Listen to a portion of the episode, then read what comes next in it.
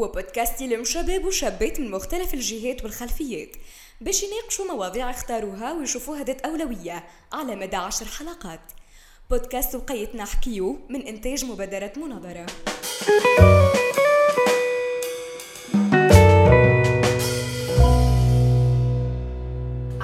ومرحبا بكم في الحلقة الثانية من بودكاست وقيت نحكيو. نحكيو في الشأن العام في المواضيع اللي من شأنها تحقق التغيير الاجتماعي اللي نطمحوله. واليوم باش نحكيو على المشاركة السياسية في الشأن العام المختلف في الأطياف الاجتماعية أنا أميمة بوزين ناشطة في المجتمع المدني ومعايا زميلي مصطفى الكريمي باحث في القانون الدستوري وزميلي محمد عزيز الزعلوني ناشط في المجتمع المدني اللي إن شاء الله باش يكون نقاشنا ثري باش نتناولوا الموضوع من مختلف جوانبه. شرايك مصطفى؟ آه بالضبط على هذاك اللي زلنا نعرفوا المشاركة السياسية ولهنا نلقاو عندها تعريف لغوي اللي يتكون من زوز كلمات. المشاركة اللي تعني إنه الإنسان يقوم بدور معين والسياسة اللي تعني تدبير شؤون الناس. دونك المشاركة السياسية هو مفهوم فلسفي ما عندوش تعريف محدد. أما نجم نقولوا اللي هو مشاركة أفراد المجتمع بعدد مختلف من الأنشطة في مجالات متعددة تتماشى قدراتهم وذلك بهدف إحداث تغيير. أكيد مصطفى المشاركة السياسية هي حق دستوري لكل المواطنين يتمتعوا به دون استثناء أو تمييز وهي ممارسة وتجسيد لسيادة الشعب. وهذا صميم الفصل 34 من الدستور التونسي اللي نص على أنه حقوق الانتخاب والاقتراع والترشح مضمونة طبق ما يضبطه القانون. وبما أنه تم التنصيص على هذا الحق في الدستور على هرم القوانين فإنه لا يمكن حرمان المواطنين من المشاركة السياسية وإلا مخالفته وتجاوز هذا الحق. ومع تقدم العصر المشاركة السياسية شهدت برشا تغييرات في أنماطها. صحيح أميمة لكن خلينا تو في الطريقة الكلاسيكية اللي تتمثل في الانتخاب. يعني المواطنين يمشيوا يوم الانتخابات يختاروا شخص يمثلهم وإلا يترشحوا هما الانتخابات وكيف كيف؟ المشاركة في البرلمان وإلا مجالس بلدية. أو أي موقع قرار سياسي يعتبر مشاركة في الحياة السياسية بالطريقة الكلاسيكية. المشاركة السياسية يا جماعة من بين أهم الحاجات اللي تميزها كونها أساس الديمقراطية بما معناه معادلة منطقية وجود مشاركة سياسية نتيجة مباشرة عنا حكم ديمقراطي. والعكس زيدا صحيح في انتفاء المشاركة السياسية وتغييب المواطنين نحكيو على حكم ديكتاتوري. ثاني أهم خاصية اللي المشاركة السياسية تنمي شعور بالمسؤولية وتخلق مواطنين فاعلين وفعالين وملتزمين وعندهم الحس والغيرة على بلادهم. في كونهم يحبوا يروها ديما للأفضل. إلا أنه يا مصطفى ويا عزيز المشاركة السياسية ما هيش مطلقة وإنما تخضع لمجموعة من الشروط. معينة لازم احترامها وأول شرط كونها لازمها تكون سلوك اختياري. شو معناها سلوك اختياري؟ اللي هو نابع من الإرادة الحرة للإنسان عن طوعية دون ضغوطات وأي إكراهات عليه وإنما تكون تلقائية بمحض إرادته. إضافة كونها لازمها تكون تطوعية أي دون مقابل مالي. أو طمعا في مصالح خاصة وشخصية ضيقة وإنما تكون من غير مقابل وتغليب فيها للمصلحة العامة على حساب المصلحة الخاصة. كلامك مزيان أميمة وكلامك مزيان يا مصطفى. أما خلينا نرجعوا لواقعنا اللي نلقاو عزوف كبير من الشباب للمشاركة في الحياة السياسية. وما عادش نلقاو شباب يحب يتنظم في أحزاب سياسية أو ما يسمى جماعات الضغط. خاطر الأحزاب ما عادش تمثل قضايا الشباب وتتفكر الشباب كان في الانتخابات. هذاك علاش الطريقة الكلاسيكية ولا الشباب يعزف عليها يعزف منها ويمشي لطرق تنظم جديدة كما الجمعيات كما المنظمات وكما ال sport والفن. donc باش نحوصلوا اللي سبق شفناه كون المشاركة السياسية في مفهومها هي الانتخاب والاقتراع وعندها زادة جملة من الخصائص وتخضع الجملة من الشروط وفيها برشا أشكال وأنماط. شفنا منها الكلاسيكي التقليدي وتوا باش نطرقوا للأشكال الحديثة. أه، بالضبط يا جماعة على خاطر كنا نعتقدوا أن المشاركة السياسية محصورة كان في الطريقة التقليدية اللي ذكرناها لكم. ولكن في الحقيقة الكلنا نحكيو سياسة والكلنا نمارسوا في السياسة سواء كنا واعين بهذا وإلا لا.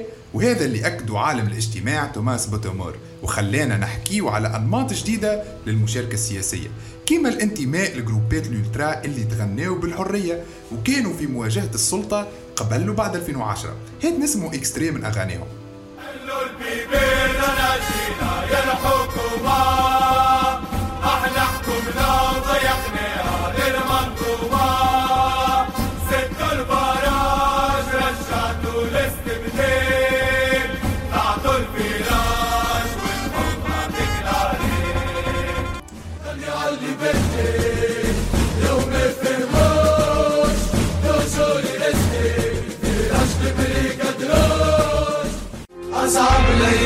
نفكرها وقت التغيير أصبح قانون شعبي بين خفنا.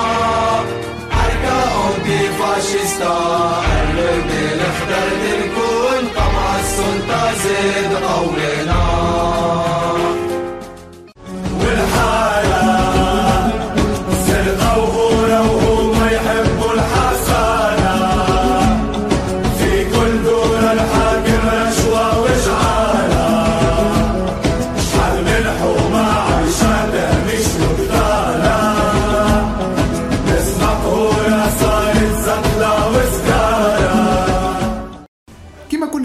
مقاطع من من أغاني الجروبات من جروبات ال ultras سواء في النادي الرياضي الصفاقسي، النجم الرياضي الساحلي، النادي الإفريقي والترجي الرياضي التونسي.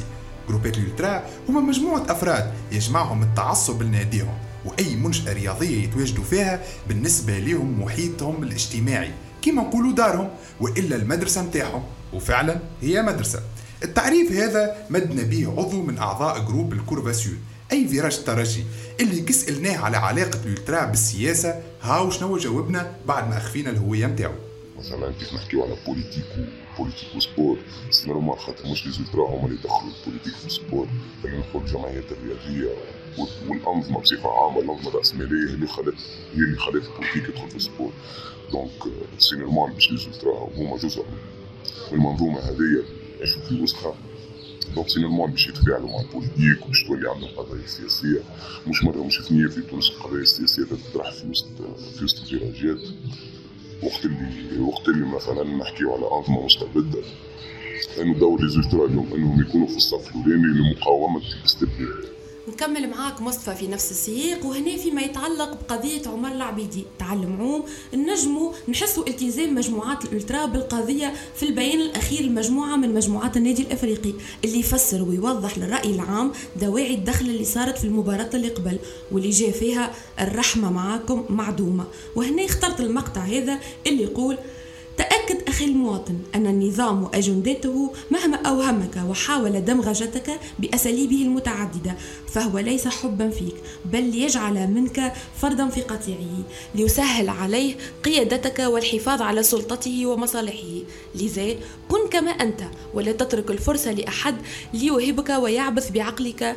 ورسالة تيفو هي ملخص القصة لا توجد رحمة مع من يريد أن يتحكم بنا ويلغي كياننا ووجوديتنا وهي رسالة موجهة للطبقة السياسية اللي توظف في عنف الملاعب لتكميم أفواه الألترا واللي لا تهاون ولا رحمة معكم.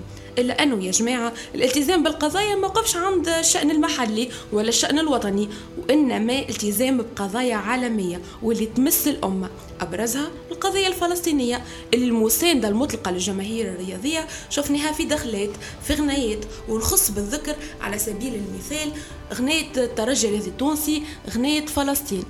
حكام العرب حكام خونة سلطة وذهب بالمال باعوها حلوا لحدود نشوفوا النصر قريب وفي الرسالة هذه مش مساندة قولية فقط وإنما بالفعل نحو رغبة لتحرير فلسطين. صحيح يا أميمة وكما قلت ال ultras تعدات على المستوى العالمي وأنا جيت نعطي مثال لزوز دخلات. الاولى تيفو مجموعة ال North Vandals للنادي الإفريقي.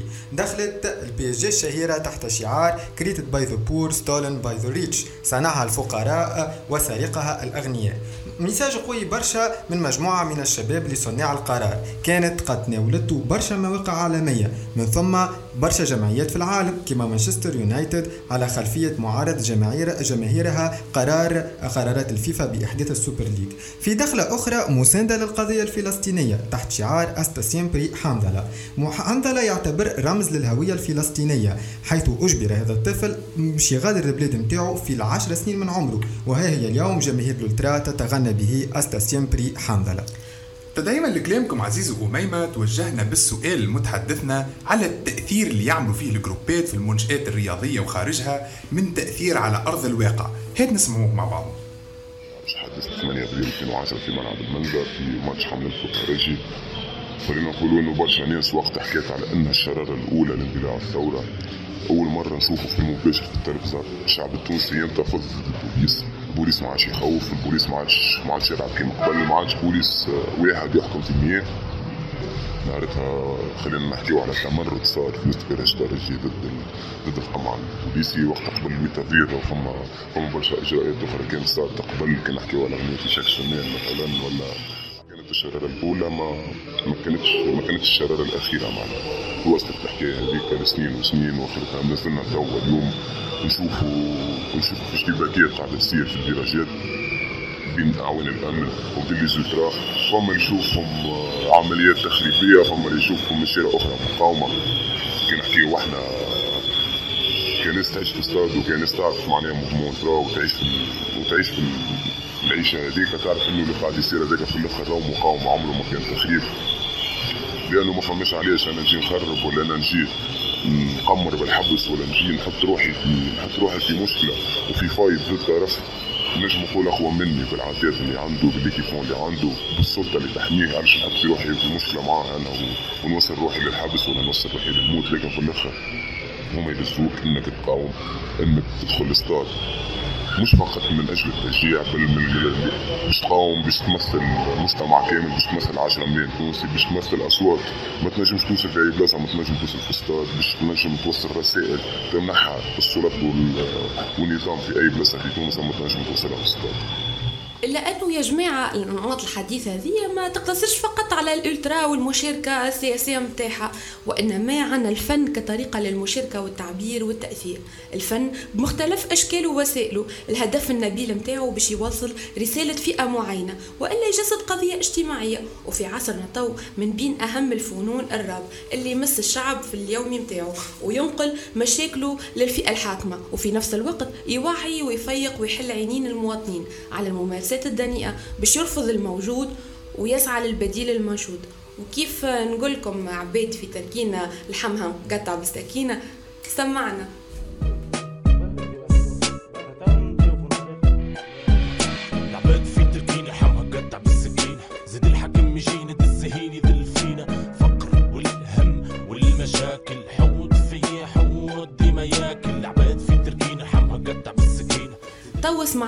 أما قبل كنا نسمع فيها بسرقة وخوف كانت من شرارات الثورة وكشفت المستور والمحجوب على عينين برشا ناس.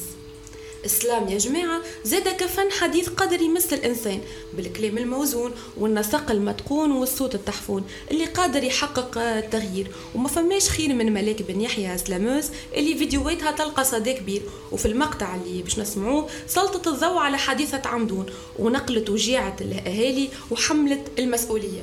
نراو في برشا في التلفزة كل يوم. الكرسي هذا متاعي وأنا خير منك. صدقوني حال ما يدوم ضحية ورا ضحية وهما الوعد ورا الوعد وما ماشي في الساقين كان اللي على نية. حكم ربي أما العجلة دارت بيديكم انتوما مازلنا ما نسيناش طفلة صغيرة مشى تقرأ هزها الواد وماتت مظلومة. نساء اللي في ممشى دقين مشاو هما والكاميونة قلوبنا تعبة ومازلنا مصدقين اللي البلدان على ثورتنا يحيونا. البيبيات وحكايتهم على الكرذونة نهجوا ولا نستناو من بلادنا الطردونة عمر يهزوا الوائد والحالة ماشية وتسوائد. وقتاش نتلهيو في اللي به الفايدة نسيبوا العادم وقتاش ربي ينور الحق وتتحل قضية آدم نعم كلامك هميمة ونقول اللي الفنان والعمل الفني بمختلف أشكاله ماهوش منعزل عن الواقع السياسي والمجتمعي اللي يعيش فيه. الفنان هو وسيلة تحليل جمالية وهو العقل الناقد للوضع بطريقة فنية توصل للعقل والقلب. وعندنا برشا أمثلة سواء في تونس وإلا في العالم ككل على روايات ولوحات فنية وعروض مسرحية وإلى غير ذلك من الأشكال الفنية اللي عملت ضجة وعملت تغيير ملموس. كما مسلسل فاتن أمل الحربي اللي طرحت عديد القضايا المهمة وحطت تحت مجهر البرلمان المصري قانون الأحوال الشخصية. في تونس النجم نذكر فيلم الجيدة لسلمى بكار اللي حفر في ذاكرة القهر اللي عاشته المرأة التونسية قبل إصدار مجلة الأحوال الشخصية. في نفس الوقت يعالج السلطة الأبوية والعقلية الذكورية في المجتمع التونسي. وبهذا نجم نقول اللي الفن هو شكل من أشكال المشاركة السياسية في حتى في الثورة الفرنسية الشهيرة سبقتها ثورة فنية. ممتاز كلامك يا مصطفى لكن بخلاف الفن باش نحكي على تأثير ال social media اللي تأثر بطريقة غير مباشرة على صناعة الرأي العام وتوجه الناس في الانتخابات وفي القرارات السياسية. لكن قبل نحب نعطي شوية إحصائيات. اللي 70% من الشعب التونسي يستخدم فيسبوك. 7 ملايين و647 ألف 45% منهم نساء و55% منهم رجال. و97% يكونكتيو على التليفون وأكبر نسبة connectés نلقاوها في تونس الكبرى 33.9% بعد تجي صفاقس نابل سوسة ومنستير وبقية الولايات. زاد لهنا ال social media أثرت في التحركات الاجتماعية. كيما الهاشتاج المشهور تعلم عوم ربي يرحم عمر. مانيش مسامح فاش نستناو؟ فيسبوك في السنوات الأخيرة طور من روحه وصنع تقنيات جديدة اللي خلته يتحكم في القرارات السياسية والانتخابات بشكل غير مباشر. هذاك علاش نلقاو برشا شباب وبرشا تحركات ومنظمات وجمعيات يحبذوا إنهم يبداو التحرك نتاعهم عن طريق الفيسبوك. ولهنا باش ندعو المستمعين باش باش يتفرجوا في الوثائقي The Social Dilemma كيف كيف ندعوهم باش يتفرجوا في بلاك ميرور للمخرج تشارلي بروكر وكيف كيف زادا من غير ما ننساو l'affaire كامبريدج اناليتيكا وندعو المستمعين باش يتفرجوا فيها. بخلاف زادا ال social media اللي كانت عندها أثر كبير نتعداو من العالم الافتراضي للعالم الحقيقي. لهنا كي نقولوا العالم الحقيقي نحكيو على المجتمع المدني. ونقولوا جمعيات نقولوا منظمات مواطنين حيث لهنا لعبت الجمعيات والمنظمات في تونس دور حاسم في الدفع إلى أكثر ضمانات في مجال الحقوق والحريات وفي الدفع زاد باش الشباب يشارك في الحياة السياسية. ولهنا خلوني نعرف المجتمع المدني حسب تعريف الأستاذة سلبى الحمروني. هو مجموعة من الهياكل والحركات التي تتخذ أشكال مختلفة تراوح بين التجمعات المهيكلة كما المنظمات والتجمعات غير المهيكلة المستقلة عن السلطات العمومية كما المجموعات الناشطة والديناميكيات المجتمعية والتي لا تهدف إلى الوصول إلى السلطة أو تحقيق أرباح في أنشطتها ولا لتوزيعها بين أعضائها. كما يعتبر الأفراد الذين بحكم اختصاصهم المهني أو العلمي أو نضالهم في مجال دعم الحقوق والحريات من الجهات الفاعلة في المجتمع المدني. المجتمع المدني يمن بالتحركات الميدانية وهو مستقل على الأحزاب مستقل على الحكومة مستقل حتى على الشركات التجارية. وهذا ما يفسر اللي نسبة كبيرة من الشباب يخيروا أنهم ينتموا إلى جمعية على أنهم ينتموا إلى حزب سياسي. ممكن نفسروا اللي الانتماء إلى حزب يفقد الفرد الاستقلالية متاعو وباش يولي الفرد هذايا يتبنى المواقف السياسية للحزب. ويبقى الهدف الرئيسي للحزب ديما هو الوصول للسلطة على عكس المجتمع المدني اللي عودنا في السنين الأخرى بمبادرات ممتازة كما موائد الإفطار قفة رمضان حوايج العيد وغيرها من المبادرات اللي يلقاو فيهم الشباب مشاركة حقيقية في صنع التغيير إيجابي في المجتمع. وهنا نحب نذكر بعض الأمثلة كما منظمة أليرت اللي تعمل على تنوير الرأي العام في الاقتصاد مرصد رقابة المختص في النفذ للمعلومة منظمة بوصلة منظمة أنا يقظ وغيرهم. هذا تطور متاع المجتمع المدني خاصة. بعد الثورة بفضل تكريس آليات الديمقراطية التشاركية في دستور 27 جانفي 2014 عبر الفصل 139 من الدستور. كلامك يا عزيزي خليني نتسائل الحماس وحالة الوعي اللي جاوا بعد الثورة إيش بينا ما عادش نشوفوهم اليوم وشنو اللي تبدل؟ صحيح يا أميمة لكن لهنا ما نخفيوش على المهتمين بالشأن العام اللي عقلية التطوع في تونس ما زالت ما تبلورتش بالشكل اللي يخلي الناس تتقبلها وتسعى لتطويرها والتعاون مع مكونات المجتمع المدني. لذلك لهنا فما وقائع يومية ديما نقوم بمعاينتها اللي المواطنين الناشطين في المجتمع المدني يلقاو رواحهم في العديد من الأحيان. يبرروا القيام بتلك المبادرة أو بالعمل المنجز أكثر من نجاحات المحققة والأشياء الإيجابية اللي قاعدة تعود بالفائدة على المجتمع ولا حتى على الحومة اللي يسكنوا فيها ولا فئة معينة. لكن لهنا ما نجموش نتغافلوا على الدور الفعال اللي يقوم به المجتمع المدني في السنين الأخرى ولهنا أصبحت عقلية التطوع في تونس ترسخ شيئا فشيئا في عقلية المجتمع التونسي. وممكن في السنوات القادمة ستكون أفضل من العشرية السابقة. ولكن تبقى أكبر مشكلة في عقلية التطوع في تونس تعود بالأساس إلى حالات شاذة لهنا مرتبطة ببعض الجمعيات الخارجة على القانون في التكوين متاعها في تسييرها في فلوسها المشبوهة في المواقف السياسية متاعها المصطفى مع أحزاب معينة والجمعيات المدلة للحكومة وحتى لدى السلطات المحلية. في النقطة الأخرى واللي مرتبطة أساسا بعقلية التطوع في كثير من الأحيان في التعامل مع البلديات في جلسات تشاركية يفرضوا استدعاء جمعيات موالية للبلدية وغير معارضة للقرارات متاع المجلس البلدي وديما يحبذوا التعامل مع مواطن منتظم في جمعية أو منظمة على أنهم يتعاملوا على مواطن مستقل وغير منتظم في جمعية. وديما طبعا الحالات هذه تبقى شاذة والشاذ يحفظ ولا يقاس عليه لأنه فما بلديات تتعامل بكل حياد وبكل موضوعية. حكينا على الشباب حكينا على المجتمع المدني. تو بقيت نحكيو على المرأة نحكيو على المرأة كشريك في الحياة السياسية. جاء في الفصل 21 من الدستور التونسي أن المواطنين والمواطنات متساوون في الحقوق والحريات. وفي الفصل 46 زادة أن الدولة تسعى لتحقيق التناسق بين الرجل والمرأة في المجالس المنتخبة. كيف كيف. الفصل 34 اللي يقر ضمان الدولة لتمثيل تمثيلية المرأة في المجالس المنتخبة. إلا أنه هالترسانة القانونية هذه كلها والتنصيص على مشاركة المرأة وكونها على قدم المساواة مع الرجل. بكونه رهان وتراهن عليه الدولة يقابلوا الراهن والواقع اللي نعيشوا فيه. وقت اللي نقول لكم فما زوز نسان ضمن 26 مترشح في الدور الأول للانتخابات الرئاسية الأخيرة.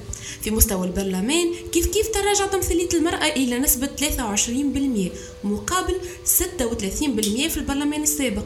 على غرار كونه من جملة 1503 قائمة توجد 219 نساء فقط في رئاسة القائمة بنسبة 14.5 واللي قابلوا تفوق الجنس الآخر. الأرقام هذه عندها أسبابها ونجم نرجعوها أولا للعقليات البالية. اللي على رغم كون الإحصائيات أثبتت نجاعة المرأة في صناعة القرار والحكم إلا أن مجتمعاتنا العربية ترى فيها تبقى عاجزة دون الرجل وغير جديرة بتقلد المناصب السياسية. واللي الحكم ومستقبل البلاد ما تنجم تتقي كان ما يكون نسبة الرجال أكثر. وبالتالي انعدام مبدأ تكافل الفرص بين الرجل والمرأة واللي يزيد يحبط المرأة أكثر فأكثر ويخليها تأيس. وهذا علاش النسب في تراجع. السبب الثاني هو التغييب الإعلامي والتعامل الإعلامي مع المشاركة السياسية للمرأة.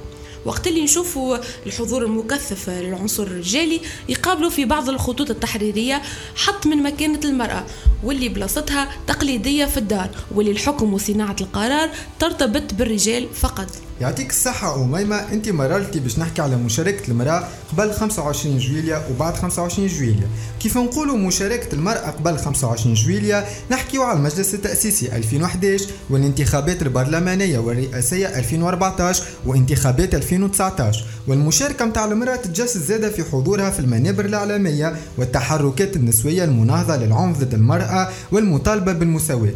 لكن هل المرأة حققت مكاسب قبل 25 جويليا مشاركة المرأة تبقى ضعيفة نسبيا مقارنة مع الراجل اللي نلقاوه موجود على رؤوس القائمات الانتخابية في البلديات والولايات رغم المكاسب الدستورية الموجودة في دستور 27 جانفي 14 2000 كما الفصل 21 والفصل 46 والفصل 34 لكن المكاسب هذه بقات حبر على دستور. هنا خليني نسأل هل عالجنا حقيقة القضايا الجوهرية اللي تم المرأة المرأة الريفية المرأة العاملة المرأة اللي تتعرض للعنف منزلي؟ بعد 25 جويليا لازم تكون المرأة من أولويات القضايا وهنا لازم سياسة دولة وإرادة سياسية. خاطر المرأة تمثل نسبة كبيرة من المجتمع التونسي وغير المرأة ما فماش سياسة ما فماش سياسة. مثال انتخابات اللي طلع فيها البيجي قايد السبسي رئيس صوتت المرأة ب 61% مقابل 53.2% من الرجال. في المرأة صوتها حاسم في الانتخابات ومصيري في القرارات السياسية. لكن رغم كل شيء تبقى تمثيلية المرأة ضعيفة مقارنة بالرجل. يمشي زمان ويجي زمان. وبعد 25 جويليا قالوا تو يتبدل الحال. جاتنا رئيسة حكومة مرأة لأول مرة في تاريخ تونس. وشكلنا حكومة فيها 25 منصب تسعة منهم نساء و16 راجل. وحتى جمعية النساء الديمقراطيات متقلقين شوية. ونقرأ لكم شوية من بيانهم في من بيانهم في اليوم العالمي لحقوق النساء. وبعد مضي أكثر من سبعة أشهر من دخولنا حالة الاستثناء وتجميد البرلمان والعمل بالمراسيم وحل المجلس الأعلى للقضاء وما تبعها من جدل في أوساط مكونات المجتمع المدني والسياسي فإنه يحق لنا أن نعبر عن انشغالنا العميق لما وصلت إليه أوضاع النساء في مناخ يتسم بالضبابية وانعدام الرؤية الواضحة وغياب البدائل.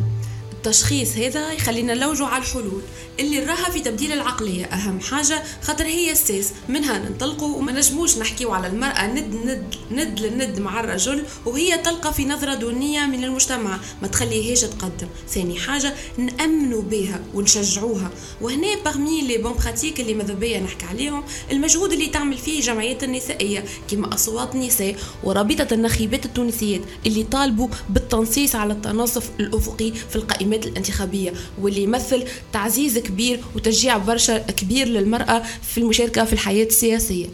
يا جماعة وقيد زاد نحكيو على الأشخاص ذوي وذوات الإعاقة اللي هما مواطنين ومواطنات يتمتعوا بكافة حقوقهم اللي ما بينها كل الحقوق المدنية والسياسية اللي نص عليها العهد الدولي لسنة 1966 وصادقت عليها تونس.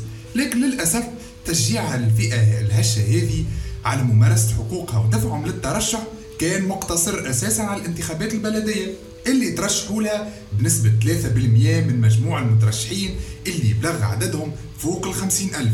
وفقط ترأسوا 18 قائمة انتخابية.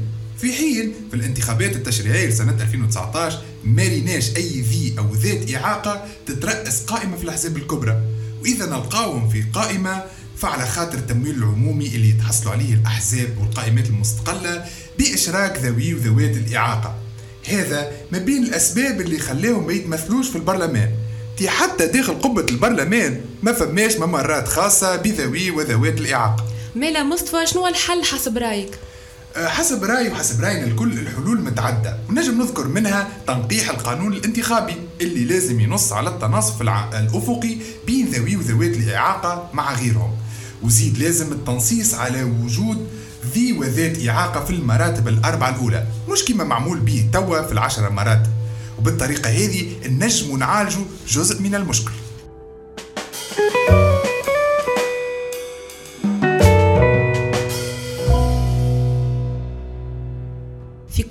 من بودكاست وقيت نحكيو عنا فقرة ال fact checking نطرقوا فيها أهمية التثبت من المعلومات وفي حلقة المشاركة السياسية قررنا نحكيو على تسريبات مديرة الديوان السابقة نادية عكاشة. التسريبات هذه عملت ضجة كبيرة في الوسط السياسي أواخر شهر أفريل وشهر ماي وحتى لتوا وحبينا اليوم نعطيكم بسطة على اللي صار وقتها.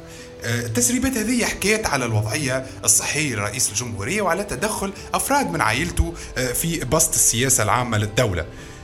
المشكلة قعدت بين هل هو صوت نادي عكاشة ولا طارق الكحلاوي اللي هو ناشط سياسي في تصريح ليه نهار 5 ماي يقول أنه صديق مقرب من نادي عكاشة أكد لطارق الكحلاوي أنه الصوت في التسريبات هو صوتها.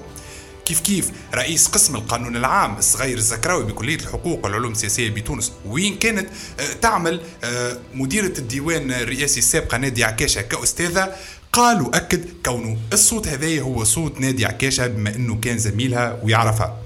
زوز فقط اللي نفاو آه إنه الصوت هذا ما هو صوت نادي عكاشة هما. نادي عكاشة بيدها اللي نفات كل علاقة بالتسريبات وبين صوتها. وكيف كيف زاد رشيدة النيفر اللي هي تجبد اسمها في وسط التسريبات هذه ونفات آه إنه يكون هذا صوت نادي عكاشة وإنه عندها علاقة بالتسريبات اللي خرجت. التحقيق مازال متواصل بما إنه الشرطة الفنية والعلمية تعهدت بالموضوع وهنا لتو نستناو في نتيجة التحقيق هذا صحيح يا مصطفى ولهنا زاد ال- القضية ذي عملت ضجة على مواقع التواصل الاجتماعي وشفنا برشا عباد خذات مواقف متغيرة لهنا رغم اللي مازال ما فماش حكم بيت واللي يثبت ويصحح التسريبات اللي خرجت. هذاك علاش لازمنا ناخذ مسافة شوية بعيدة ونكونوا محايدين ولهنا نجموا نحكيو على أهمية ال fact checking خاصة في الحياة السياسية وفي الحياة الاجتماعية.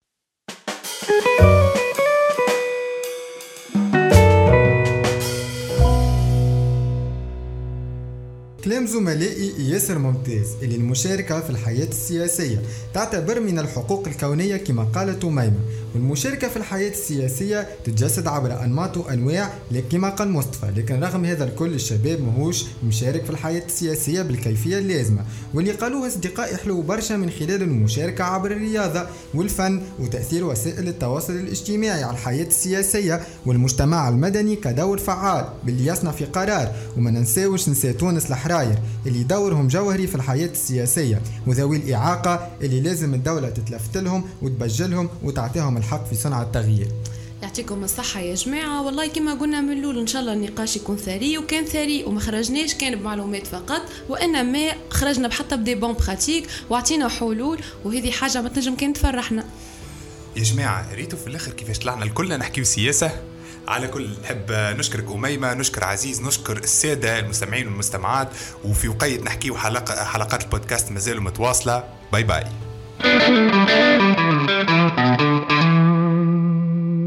البودكاست هذا في إطار مشروع الإعلام المجتمعي للتغيير الاجتماعي وهو بالشراكة مع المعهد العربي لحقوق الإنسان والكتيبة بتمويل من مبادرة الشراكة الأمريكية الشرق أوسطية.